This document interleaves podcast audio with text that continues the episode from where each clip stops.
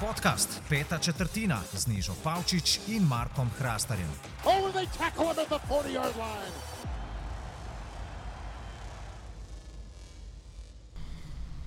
Drage poslušalke, dragi poslušalci, dobrodošli v novi epizodi podcasta Peta četrtina. Tokratna izdaja je seveda post Super Bowl 54. V svoji družbi pa ponovno pozdravljam Marka Hrastarja in Tilna Lovšeta. Zdravo, fanta. Ja, Um, najprej, kako sta, glede na to, da je v bistvu sezona lige NFL se je zdaj res končala in se moramo nekako vsi zdaj s tem soočati, da lige NFL ne bo na sporedu tam sedem mesecev pa polno, kar bo definitivno kar dolgo obdobje brez lige NFL, oziroma kar se tiče igranja na igrišču. Ne? Ja, jaz mislim, da smo še zmeraj to pod otisom Super Bowla, ki je bil, se pravi, koliko tri dni nazaj, da še po mojem čisto razmišljamo o tem, no, da je konec sezone, oziroma da dolgo časa ne bo nove, ampak mislim, da kar še nekaj pet, šest dni pomenil, pa pa bo počas začetek razmišljanja, kdaj prihaja 10. september.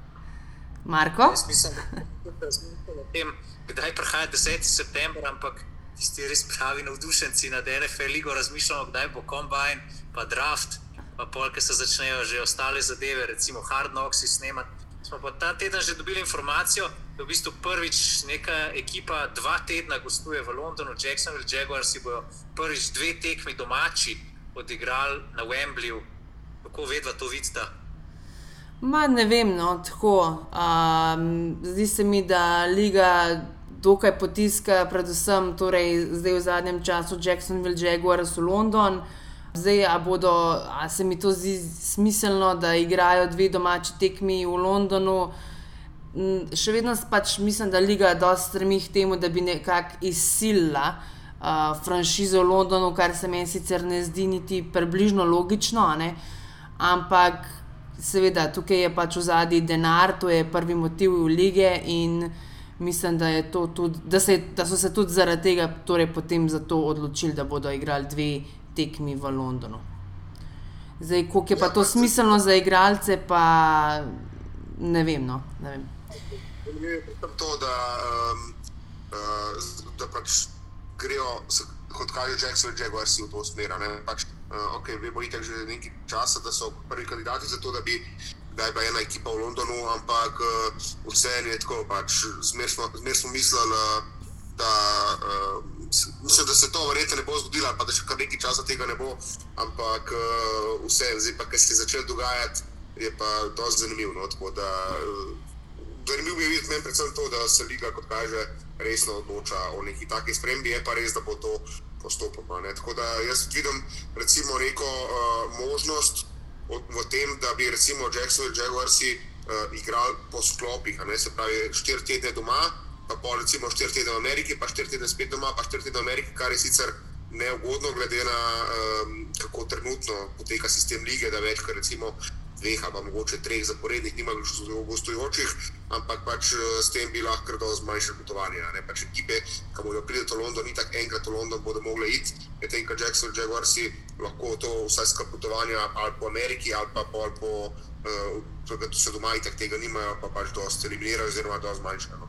Težko vidim, da bi igralo Houston, pa naslednji teden doma proti Indianapolisu, pa pol spet v Tennessee, pa tako pol pa še kakšen let, ko bodo recimo ne izenačeni, izenačeni z uh, Chargersi na isti uh, poziciji v diviziji, pa pol to Los Angeles, pa spet nazaj v London. Jaz mislim, da tudi če bo to kdaj v Londonu, da bo zelo verjetno neki tasga, da bodo vsaj malo, malo umilili ta potovanja. Ja, jaz se sta, s tabo glede tega strinjam. Ne vem pa, koliko je smiselno dejansko imeti. Mislim, vse vemo vsi, zakaj oni želijo to imeti. a Ne želijo se pač širiti na trg in to tudi lige NFL pač potem pripelje toliko več denarja, toliko več dobička. Ne, Zdaj, ne vem, ti dan, če si bil ti v Londonu, ampak že 8 let nazaj, ko sem bila jaz, je bilo to pač. Ni, ni bilo ekipe, katerega dresa nisi tam videl. In Zdaj, če bojo oni šli v to, da se bo Jacksonville prestavil v London, s tem želijo tudi neke take ekipe, ki mogoče v Evropi niso tako. Um, Niso tako uh, priljubljene, ne, jih pomaga, ampak vedeti pa moramo, da je vsekakor tukaj v ozadju denar. In tudi, če bi recimo igralci potovali štiri tekme doma, štiri tekme, v, mislim, doma kot v Londonu, a ne potem štiri tekme v Ameriki, je to še vedno nekako pač utrudiš te igralce, da morajo štiri tekme, mislim, štiri tedne zapored v bistvu igrati gostujoče, poleg tega, da se selijo po Ameriki. To niso vem, vsi leti eno urico. Recimo, da imajo iz vzhodne obale na zahodno let, je to šest ur leta, pa vedno, no, vedno opremo sabo imeti. Mislim, to je ful nek logističen zalogaj, ampak kot si rekel, vice, da liga stremi k temu, da bodo Jacksonville Jaguars tisti, ki bodo pač prišli v Evropo in nekako tudi postala londonska franšiza oziroma franšiza lige NFL v Londonu. Je pa res, da mislim, da je bilo že lani rečeno, da naj bi liga tudi planirala uh, eno tekmo v Münchnu oziroma v Hamburgu, tako da naj bi lahko, da je bo že to sezono, lahko pa potem, da bo šele naslednjo, pa recimo tudi na Kitajskem želijo um, eno tekmo vsaj igrati. Tako da se širijo, tako kot pač vse te profesionalne lige, ki pridejo na druge kontinente, ampak vse vemo, ne, da to je pač res. Če toliko več denarja za tako korporacijo, toliko več dobička in seveda to se jim vse splača. Ja, moramo vedeti, to, da to, o čemer zdaj govorimo, da smo vse še nekaj časa oddaljeni. Mi zdaj ugibamo, tako da pač liga, če se bo odločila na eni točki za londonsko ekipo, bo že razmislila, kaj je najbolj in za njo, in za igralce, in za ekipo, in za vse. Ne? Tako da še en imamo nekaj časa do tega, da bi spremljali eno ekipo osemkrat v Evropi. Ja. Absolutno, jaz to tudi ne mislim, da bo to vem, v dveh, treh letih, ampak rečemo, da je pet, sedem let, se z nas zgodita. Ne. Bodo pa upam, da no, vsaj do takrat, nekak, eh, če bi se res za to odločili, da bodo nekako poštudirali, kako res najbolj sploh za igralce, torej ne samo za navijače. Um, recimo, zdaj se tudi v Miami se je veliko govorilo o tem, ker Liga hoče torej sezono podaljšati še za eno tekmo. Mislim, da se bodo um, pogajanja med NFL, torej med Ligo in med NFLPA, torej NFL Players Association, začela spomladi. Uh, je pa Richard Sherman no, prejšnji teden, torej pred Super Bowlom, jasno in glasno rekel, da absolutno igralci za to ne bodo, zaradi tega, ker glede na to, da je že to en, Liga NFL kot sama, tak, že, oziroma da je ameriški nogomet že sam tak kontaktni šport, da so proti koncu 16, torej sezone 16 tekmami že vsi polomljeni, da se niti slučajno oni za tistih par, par tisoč dolarjev ne mislijo v bistvu svojih teles. Še toliko bolj tvegati. Tako da um, mislim, da nas čakajo kar take no, zanimive, da bo zanimiv off-season, Ampak mogoče preden gremo čisto na off-season, da jim res pokomentirati tale Super Bowl 54. Mal drugačen je bil vendarle kot lani, no? čeprav se mogoče do 7-13 pred koncem ni zdel, da bo tako, ampak kako sta vidva videla to celo tekmo in pol tistih zadnjih 7 minut, kjer so v bistvu čivsi res stopili na plin in v bistvu dobili to tekmo. Kako sta jo vidva videla, no? tako mi poveta. Ja, jaz nisem uh, presenečen niti nad izidom. Eh, niti ne nad potekom same tekme, večino časa, se pravi tam do nekje zadnjih 10-11 minut. Sem pa kar presenečen no, nad zaključkom, ne zaradi tega, ker so se kenski čisi vrnili, pa na koncu kar visok zmagali, ampak kako je propadel San Francisco praktično na vseh frontah, zdaj spet večino gneva se zliva na Šenahena, ne, tukaj bo pač nekaj podobnega že takrat v Super Bowlu med Atlanto in New Englandom ampak dejansko kako je razpadel celoten klub, eh, oziroma kako so čist vsi, se pravi, ne samo napad, tudi obramba, eh, podbacili v zadnjih 10-12 minutah, mi je pa zelo presenetljivo, ampak ne, da se je to zgodilo, ampak za tak klub, kot je San Francisco, no, ki se mi je zdel mentalno izjemno močen. Uh, ker se mi je zdelo, da je mogoče celo najmočnejši, kar se tega tiče, ne glede na to, da ima kar nekaj mladih fantov v svoji ekipi, tako v napadu kot v obrambi. Uh, ampak vseeno, eh, dejstvo, da so trikrat zapored dobili ždom, pa trikrat zapored niso dosegli niti ene točke, je meni to kar šokantno, bi rekel. No? Zato, ker um, vemo, kako dobri so Kansas Chiefs v napadu. Uh, Koliko, uh, recimo, temu, kako noro dobrega podajalca imajo, verjetno celo trenutno najboljše igralce lige, ampak uh, vseeno, kljub temu, da so Chiefs dosegli 21 točk, da napad ni mogel ne, oziroma da je čist razpadel, tako kot pač na drugi strani je obramba, ki je prejela 21 eh, točk. No. Eh, mislim, da čisto vsak igralec in član strokovnega štaba je približno enako kriv, no, tako da zdaj pet, da je gre vse na še nekaj, je malo bolano iz strani uh, ameriških medijev. In vse neke similaritete so s tistim Super Bowlom med Atlanto in New Englandom, spet je še ena, pač v zadnji četrtini. Vem, mislim, da je Steven A. Smith, ne bom rekel, da ga ne, noro cenim, no, ampak uh, on je to prvi opazil in tudi uh, uh, obešal na veliki zvon, da je Kajl Šenahan v zadnjih, četrt, v zadnjih dveh četrtinah, oziroma v zadnji četrtini na tem Super Bowlu, pa na tistem med Atlanto in New Englandom, uh, ne vem, nič 47 ali nekaj takega. To je nekaj norga. Ne? Okay, po eni strani res ne, vemo, ne smemo sam še ena kriviti, ampak po drugi strani je pa on trener, on, je, on kliče akcije in meni je noro. Meni je v bistvu najbolj varna stava pred tem Super Bowlom to, da, ne, da ena ekipa ne bo dosegla recimo treh zaporednih touchdownov, brez da bi se druga oglasila, medtem pa vsaj tri točke dobila. Recimo. In točno to se je na koncu zgodilo. Uh, celo sezono že govorimo o tem, koliko je San Francisco najbolj kompletna ekipa. Celo sezono že govorim, koliko je San Francisco ekipa, pri kateri sem videl najmanj slabosti, posebej nekaj tacka zgodi v zadnji četrtini, da je San debel lahko pogledaš. Ne. Uh, me pa zanima vaš mnenje glede zaključka prvega polčasa, ker tudi tam, vse, tudi tam ni vse lih najbolj štima.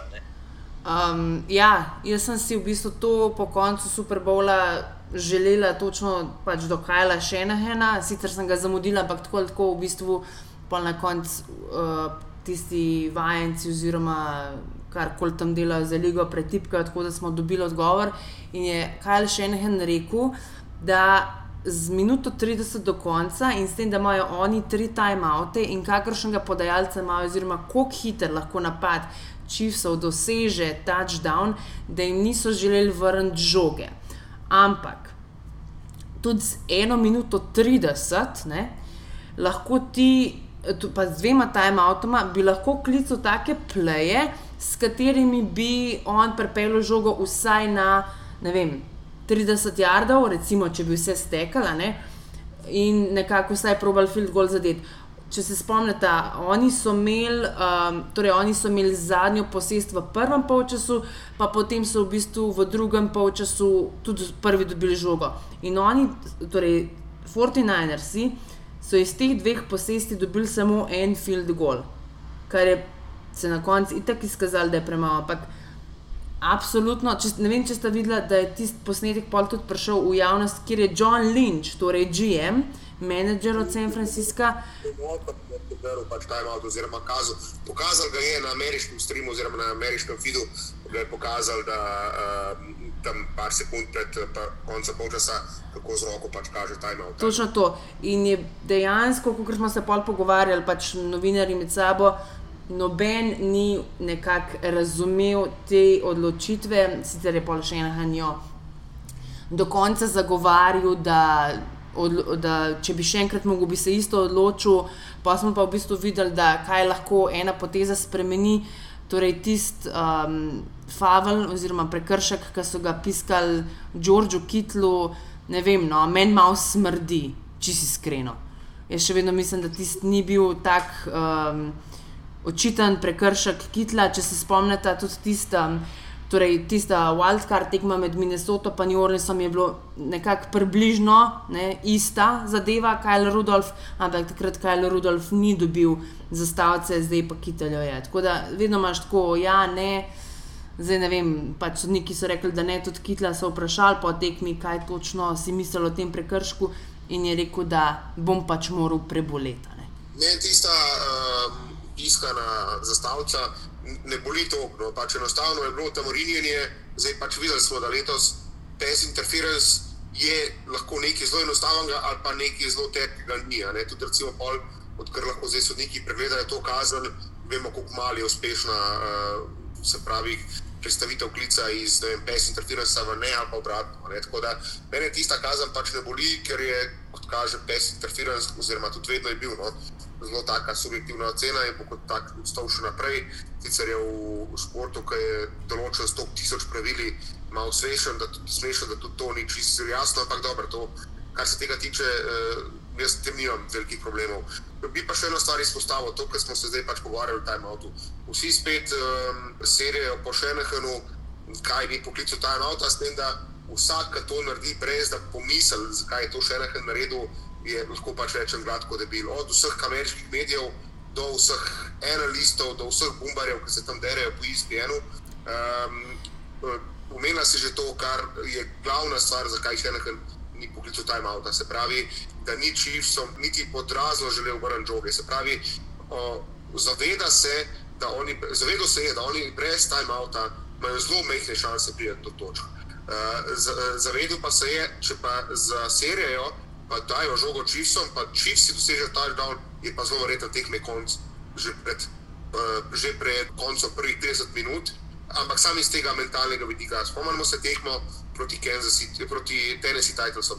Tennessee Titlesi so vodili, pa se je Kansas City približal in pol je Mahomes tistim norim tekom par minut ali bo celo sekund pred koncem prvega polčasa povedal, da Kansas City je v vodstvo in od tam naprej se Tennessee Titlesi niso več pripravljeni. To samo zaradi tega, ker je bilo to, to velik mentalni udar, vsi so govorili že med tekmo, samo v tej akciji in še nekaj ni hotel, da se mu to spet zgodi.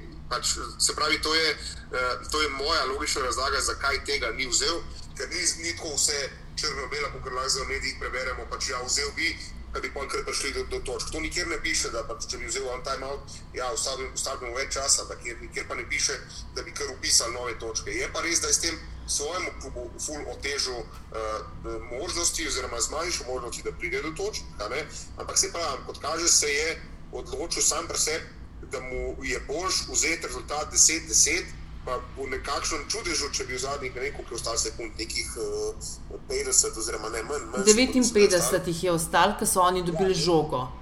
Torej, Pa, pa on ni poklical po 40 sekundah tajmota, oziroma on ni poklical 40 sekundnega tajmota, ker bi prešparil 40 sekund. No, tako je.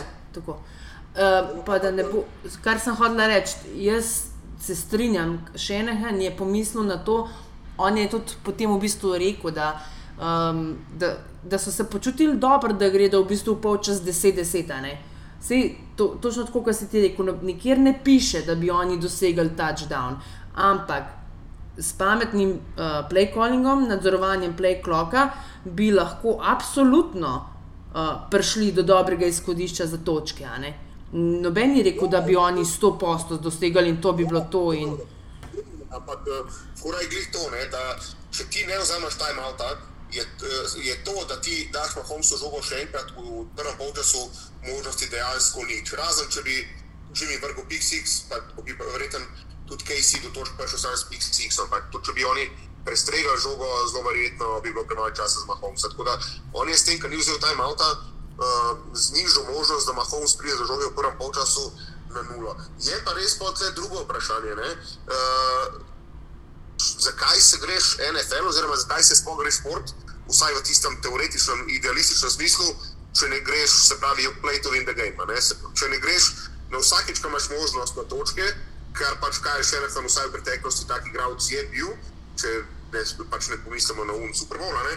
Ampak. Če imaš šanse, ne, večina koordinatorjev napadalnih bi to vzel tako, da imamo 59 sekund, a lahko pridemo do točk. Ne bi razmišljala, kaj če Mahomes eh, dobi žogo. Tako da tle je pol drugo vprašanje, ne? zakaj se je kaj še nekaj za to odločil, ne pa uh, ali zato, ker se je za to odločil, aj zdaj neumen oziroma ne pozna NFL. Ne? To za me sploh ni debata. Vati. Vprašanje je samo, ali bi se vseeno mogel odločiti za timeout, pa provat priti do točk, pa razkirati, da, da 30 sekund. Do konca za serijo, pa da čivsi, ker čivsi so na tuče timeout, ja, uh -huh. um, da čivsi pride do žoge ali pa ne. Sam to je debata. Ne? Tako da meni ta poteza, uh, kaj še nekaj ni to neumna ali pa ekstra neumna, tako kot zdaj vsi podarjajo. Podobno kot je bila zgodba takrat s Sietlom, pa s Pitom Kerolom, kar še danes, pa do konca ta bomo vsi. Um, Trajal, da pač bi mogli teči tam na tistem enem jardu Super Bowlu, ampak vse tudi, tudi tam zadeva ni bila tako nedolžna. Pač isto je hotel Pit Kerol narediti to, da, da bo žogo obdržal do konca svoje posesti, imel je samo še en timeout, in pač vedno je, da mora iti na eni akciji spodajo, samo zaradi tega, da ali ne zaključena, pa se žoga uh, odbije na tla, pa se ura ustavi, ali pa je zaključena, pa je touchdown, pa ne rabi ur timeouta, ker ni hotel, da pridejo Patrioti še do žoge. Ampak dobro, pustimo zdaj te stare zadeve. Hočem samo reči, da te zadeve so premišljene in so, se mora coach odločiti v parih sekundah, kaj bo naredil. Tako da um, ni, ni tako vse črno-belo, ja, to bi mogel, to bi mogel.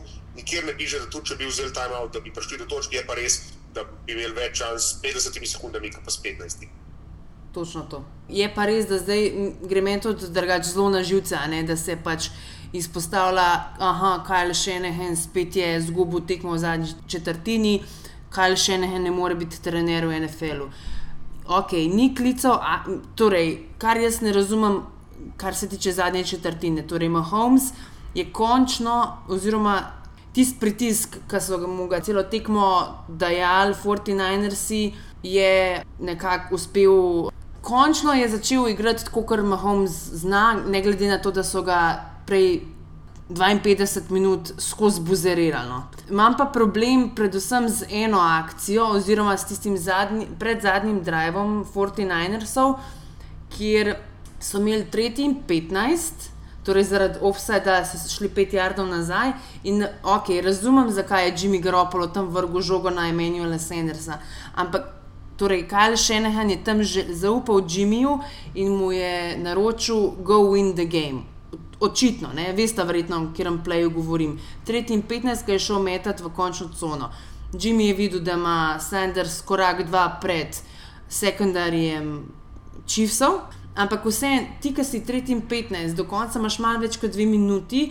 Tvoja prva naloga je, da premakneš nekaj za teh 15 jardov. Pol na četrtem so ga pa sekali in je bilo praktično konc tekme. Na, naslednjem napadu Damien Williams zatažal je konc. Tako da to meni bolj zdaj tle mot.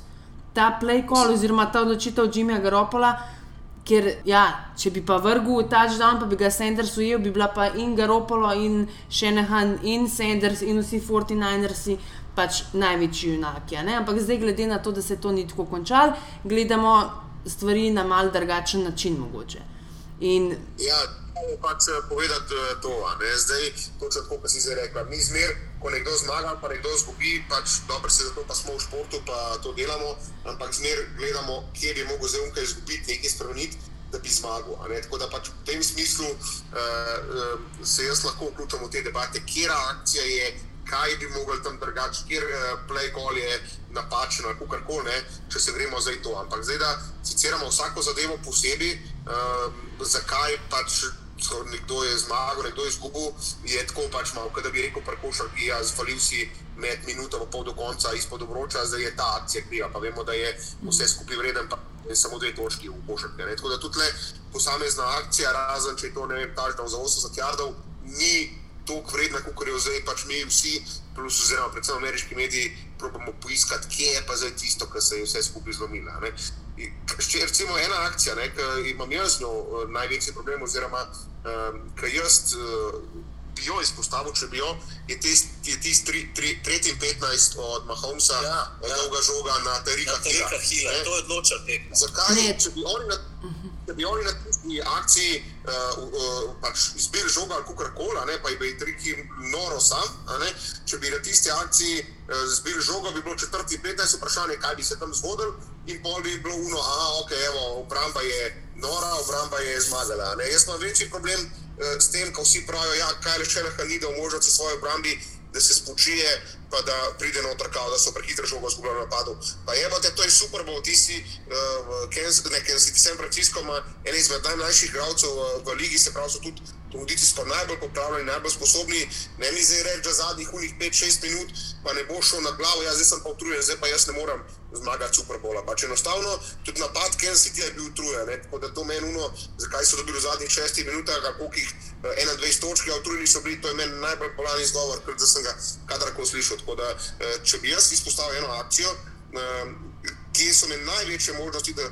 bi samo po tisti eni akciji zmagali, ne, oziroma da bi rekel, evo, to je to, če bi ne bi eh, šla tista dolga podaja. Tako da zdaj, a veš, da rečeš čisto eno akcijo, ja, Jimmy G bi lahko dal za 50 ali koliko milijardov, pa je bila žoga predolga, ja, če bi imel, ne vem, če bi kakšen drug wide receiver šel na mesto Sandersa, mogoče bi jo imel Sanders, pa če vemo, da tudi ni več čist najhitrejši je, zmeraj bo hiter, ni pa zdaj ta rikila. Tako da težko je zdaj, pač ja, lahko se gremo te debate, ampak se pravi, uh, vsaka čas čisto, da so reagirali, pa pač graja celotnemu klubu San Francisco, da se vse skupaj tako išlo, ne še nekaj, ne Garopolu, ne Bosi, tudi ne konc koncev Richardu Štrmanu, ki bi parkrat grdo nasmojena, ne ena na ena, konc tekme, tako da pač vsak bi dal eno, dve akcije zraven. Kakorkoli pa bi zmagali, zdaj pa, ker vsi niso, so vsi izgubili, ne da je zdaj kar še ena, ki so izgubili, pa če bi ga opolo tek. Vse lahko similaritete povlečemo z vsemi tremi tekmami v play-offu, da Kansas City čise. Vse v bistvu je, se kaže nek vzorca, ne?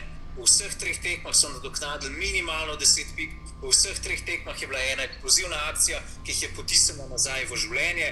Proti Houstonu je bil ta prvi touchdown, mislim, da proti Titansom je bil tisti tek na koncu prvega polčasa, ki jih je dokrajčil Kle je bila pa tista dolga podaja na tretjem poskusu in 15. Od une podaje naprej je šlo vse, ki je nošel puter. Ne? Od takrat naprej smo verjetno vsi vedeli, no, zdaj se pa spet pele na preobrat od Kansas City. Um, ja, da sam še to um, dodam, kjer play je bil absolutno uh, turning point. No, uh, jaz se strinjam popolnoma z vama, da podaja na 3, 15, 7, 13 pred koncem je bila v bistvu tisti spark, ki so ga čivsi rabili. In to so tudi vsi čivsi po koncu povedali, vključno s Patrickom Holmesom. Tudi povedal je, iz kje je ta akcija prišla, torej da so jo že lani v playoffu proti New Englandu klicali, pa je takrat jo um, Patrick Mahomes uspešno pretvoril, oziroma uspešno podal do Hila, ki je žogo jeval. Tako da očitno pač ta njihova akcija pije vodo. Se mi pa zdi, da sta ta Super Bowl res tako zaznamovali dve podaji na 3 in 15, torej ta, ki smo rekli, Mahomes na Hila, ki je bila uspešno pretvorjena, pa potem po drugi strani Jimmy Garoppolo. Pa Emanuel Sanders, ki je bil pa tudi 3 in 15. In čim bi se ena od teh dveh podaj, tudi kot si ti rekel, tista ta prva mogoče, drugače zasukala bi se verjetno tudi danes drugače pogovarjali, oziroma bi bil lahko tudi zmagovalec Super Bowla čist drug. In isto, če bi Jimmy zadeval na tisto dolgo podajo Sandersa, bi bilo verjetno tudi drugače. A veste, to je, mislim, to je spet tako. Uh, zato, ker so čivsi zmagali, ker so ono podajo uspešno uh, zaključili, se pogovarjamo zdaj tako, če bi pa Jimmy, pa Sanders tisto podajo uspešen pretvorila za nov poskus, oziroma za ta žan, bi se pa spet drugače pogovarjala. Ne? Tako da je zadeva dvorezna, vsekakor je pa tista, ta prva podaja, 3 in 15 bila res uh, odločilna, po mojem, začel vse, pa potem ne na zadnje, tudi ko, smo, ko si rekel, Tilan, da je bil Richard Črnman parkrat nasmojen, recimo tudi Mahomes, ki je podal na uh, Semija Watkinsa, za koliko je bilo več kot 30 jardov, ki je pač dobesedno nategnil Šrmana, da je šel v prazno. Ne. Tako da pa je veliko teh nekih. Posameznih akcij, ki so na koncu odločile za to, da so čivi zmagali Super Bowl, in po mojem mnenju so ga čisto zasluženo dobili. Vsekakor vsi navijači Kenzasa so še dolg po tekmi ostali na stadionu, tisti, ki so imeli, torej družine igralcev, so se obmetavali s tistimi konfeti še vem, dve uri po tekmi. Tako da jaz mislim, da res danes je parada v Kenzasu. Ne vem, če ste že videli kakšne slike, ampak mesto je čakalo na ta naslov 50 let in mislim, da se bodo res uh, konkretno poveselili. Je pa res to, kar si rekel ti, da. Patrick Mahomes je, po mojem mnenju, tudi trenutno najboljši igralec v ligi, vsaj v playoffu je pokazal, da je tako. In mislim, da imajo čivsi, glede na to, da imajo zelo mlado ekipo, ne? mislim, da je kot nek lider v vsaki skupini, torej receiverji, returnerji, podajalci, sekundarji, so vsi mlajši kot 30 ne? in vsi so vsaj še eno leto pod pogodbo. Tako da mislim, da če bodo čivsi tako naprej igrali, kot so ta playoff uh, jih lahko zelo kmalo vidimo spet nazaj v Super Bowlu. Se še enkrat malo nazaj vrnil, pa še enkrat več se je pokazalo, da je ameriški nogomet oziroma Liga NFL pač šport, v katerem je momentum ful pomemben. Zdaj, uh, Kansas City Chiefs so se pokazali kot ekipa, ki res dobro zajaha ta momentum. In kljub temu, da ste stilom večkrat šalva, oziroma imamo tudi eno interno foro z Rayom Lewisom, ne, Uh, to je zdaj dejansko se pokazalo kot resnično. Momentum is huge. Ne, ne vem, pač uh, oni so res letos pa to do, do potankosti pokazali, kako je treba to izkoristiti. Ja, pač, uh, zdaj tako je, ne, mi zdaj skiciramo San Francisco na nulo. Dajmo raj pač, uh, proslavljati, kaj je naredil Kansas City na koncu. Kansas City uh, je, je noro spero tekmo, res da so jim neki, uh, neki priložnosti ponudili uh, 49ersi, ampak uh, vse, zdaj tle večina ljudi v NFL svetu debatira, kje so 49ersi vse skupaj zajemali, da jim pač naj se osredotočijo na to, kako je vse skupaj spremljalo na koncu Kansas City. Jaz mislim, da zadnjih 7-8 uh, minut je bilo pač praktično perfektnih, no, zelo malo, uh, niti ne napak, ker napak ni bilo, ampak zelo malo tudi slabih podaj ali pa slabih blokiranj pretekov. Tako da res Kansas City je noro uh, zaključil zadnjih 7-8 minut. Takoj, ko so dobili tisto, um, tisto iskrco, oziroma takoj, ko so začutili, da je San Francisco razpadal, oziroma da San Francisco ne more več, ali kako koli to definiramo, uh, so pač dal ne iz tretje v šesto, ampak iz tretje v dvajseto. In jih pač razbil do konca. Tako da res uh, nor respekt uh, celotnemu klubu, nore pohvale napadalne linije, tega smo pač zelo malo videli v medijih, uh, kar se tiče napadalne linije Kansas City. To sem tudi sam prejšnji teden pač izpostavil. Uh, moj, odgovor je bil na vprašanje, ali bo dominirala uh, obrambna linija San Francisco ali napadalna Kansas City, -ja, da bo pač skupaj dobil San Francisco, ampak se je na koncu, uh, sploh v drugem delu tekme, izkazal uh, ravno obratno. Pač, uh, ogromen je uh, vsemu skupaj, skupaj naredila oziroma pomagala napadalna linija Kejsija, tudi uh, v drugem delu ni bil pod takim pritiskom, Holmes. Williams je noro tekel, pač, ker je imel veliko tvrdih luha, tako da uh, tudi to, no, respekt za napadalno linijo. Na drugi strani pa ja, za San Francisco smo pač že rekli, na koncu jih je zmanjkalo, zdaj pač se bodo iz tega kaj naučili ne. Jaz mislim, da se bodo, um, tudi oni so zelo mlada ekipa, tako da imajo pač kar nekaj možnosti naslednja leta. Uh, mislim, da ne moramo niti slučajno pozabiti, da je to končno Super Bowl naslov za Andyja Rida. Um, ja, Reid je kar malo se mi zdi poceni prejšnji teden, ampak ne v tem tvisu, da smo uh, izbrali še nekaj napred Andy Reidom, ampak v tem smislu, da pač Andy Reid vse ima več kot 200 tekem, 200 smak v NFL-u, uh, se pravi 220 pa neki. To pomeni, če bi imel same perfektne sezone, se pravi 16 nič, bi to pomenilo, da rabi nekje 14 sezon, da bi uh, 14-15 sezon da bi imel tak rezultat. Se pravi, tako vemo, da nikoli nisi perfekten. Uh, Bill Belčik, je pač recimo, najboljši skor, ima tam recimo 10, 11, 12, 13 zmag. Uh, tako da pač 220, pa neki zmag za Andy Rida je noro veliko, tako da pač res respekt. Da tudi uh, liga gre zmer, zmer, zmer bolj proti mlajšim igralcem, tudi mlajšim trenerjem ampak tudi ti stari mački lahko še brez problema zmagajo v Super Bowlu, tako da pač respekt od tega. Jaz sem ti v redu, full prvoščen, tudi tisti članek, ki si mi ga neža poslala, je bilo z užitkom prebrati od začetka do konca. Čeprav nisem fan takih dolgih člankov, ampak sem si te pol ure res eh, z veseljem vzel. Andy Reid za tiste poslušalce in poslušalke, ki ne veste, je par let nazaj izgubil sina uh, zaradi overdosa, zaradi uh, prekomernega odmerka heroina. Eh, tudi drug sin, ki je sicer uh, trener linebackerjev, prekanza City, je imel težave z uh, drogo. Uh, vem, preden je prišel Andy Reid v klub, uh, se je en izmed igralcev ubil, naredil samomor, potem ko je ustrelil svojo punco. Uh, skratka, ta franšiza je imela ogromno trpljenja v zadnjih letih, uh, že na zalogo tega, da so pač po 50 letih zdaj postali prvaki in uh, Andy Urido res iz srca prvoščam. Lahko bi se tudi jutro upokojil, pa mu noben ne bi mogel pisati za meni. No. Ja, uh, rekel je, da se še ne bo upokojil, zdaj Andy Rid je bil tudi tekom celega tedna zelo simpatičen sogovornik. Rekel je, da se ne bo upokojil zaradi tega, ker ima tako dobrega kotrbeka, oziroma tako dobrega podajalca, da mu Patrick Mahomes s tem, koliko je dober, uh, lajša življenje in da da še ne razmišlja o tem, da bi se upokojil. In tudi Patrick Mahomes je hkrati rekel, da se tega ne želi, da želi z Andyjem Ridom še naprej, seveda, delati. Za tisti članek, ki ga pa Marko omenjaš, svetujem vsem, da si ga preberejo, vzemite si tiste pol urce. Napisala sta ga pa Jenny Vrentas, pa Conor Orr iz SAA, torej iz Sports Illustrated in je res govori v bistvu o življenjski poti Andyja Rida, od tega, kako je odraščal sred Los Angelesa.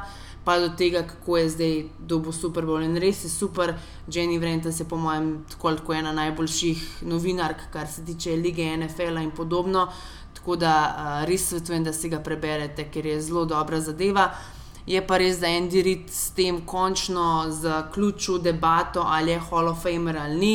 Itek se zmeraj po Super Bowlu te debate pojavijo, lani se je pojavila, če je Julian Edelman, Hall of Famer, letos če je Andy in jaz mislim, da je pač s to zmago vprašanje, oziroma kar case closed, bi jaz rekla, da je ne. Vprašanje je, da je Kansas City Chiefs uh, podaja na pot uh, nove dinastije.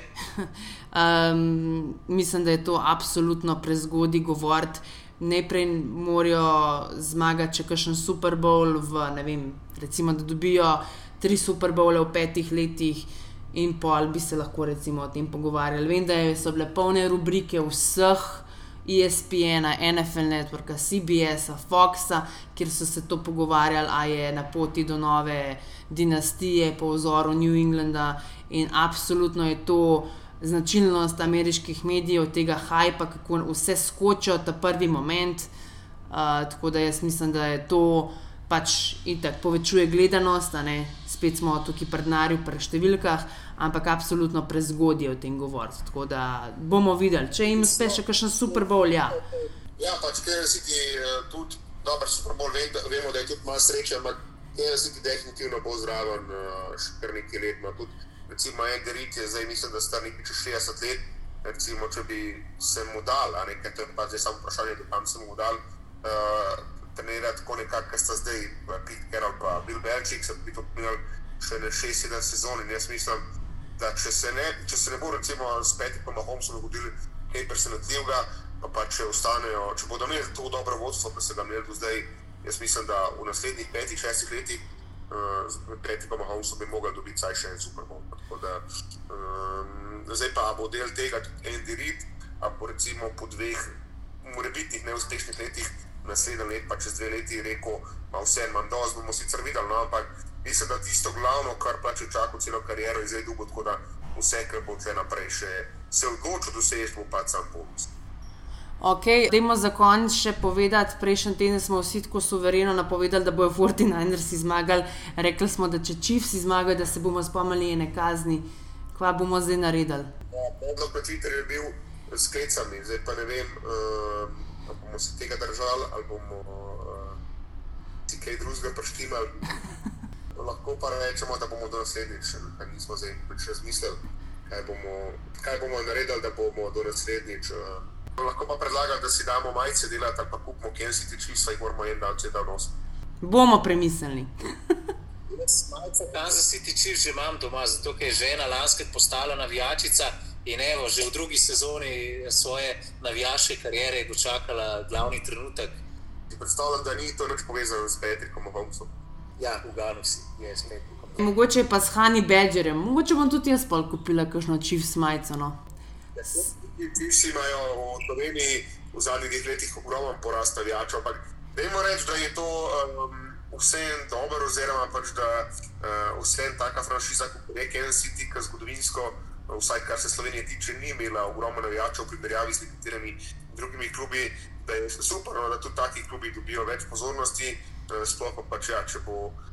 Patrick Mahomes, MVP, še parkrat naslednje sezone, bodo itak pač skozi tapeti. Fanta, super, da smo se ujeli, sicer malo pozno, kot bi se mogoče želeli, ampak smo nekako secirali ta Super Bowl. Uh, jaz mislim, da smo videli tak Super Bowl, kot smo si ga mogoče po prejšnjem, torej po Super Bowlu 53, ki je bil bolj zaspan, obrambno naravnan, da smo si tak Super Bowl zaslužili, sploh s finišem. Tako da zdaj mislim, da tako kot igralci, da si tudi mi zaslužimo nekaj počitka od lige NFL, mislim počitka tako, no, z enim očesom. Čez manj kot tri tedne se v Indiji, Neapolisu začne kombajn, tako da predlagam, da se tudi predtem slišimo. Jaz grem sicer pol v Indijo, Neapolis, pa potem se pa lahko tudi spet slišimo, da vidimo, kaj bojo kaj povedali, GM-i, trenerji, pa najboljši prospekti. Hvala vsem poslušalcem, da ste nas poslušali, torej celo sezono, cel playoff. Vračamo se torej čez nekaj tednov, do takrat pa si spočite, ker predvidevam, da se bo z off-season, ki se nam obeta, in novo sezono tudi ta še kako zelo razborljiva. Hvala. Hvala, čau. Oh, they tackle him at the 40 yard line.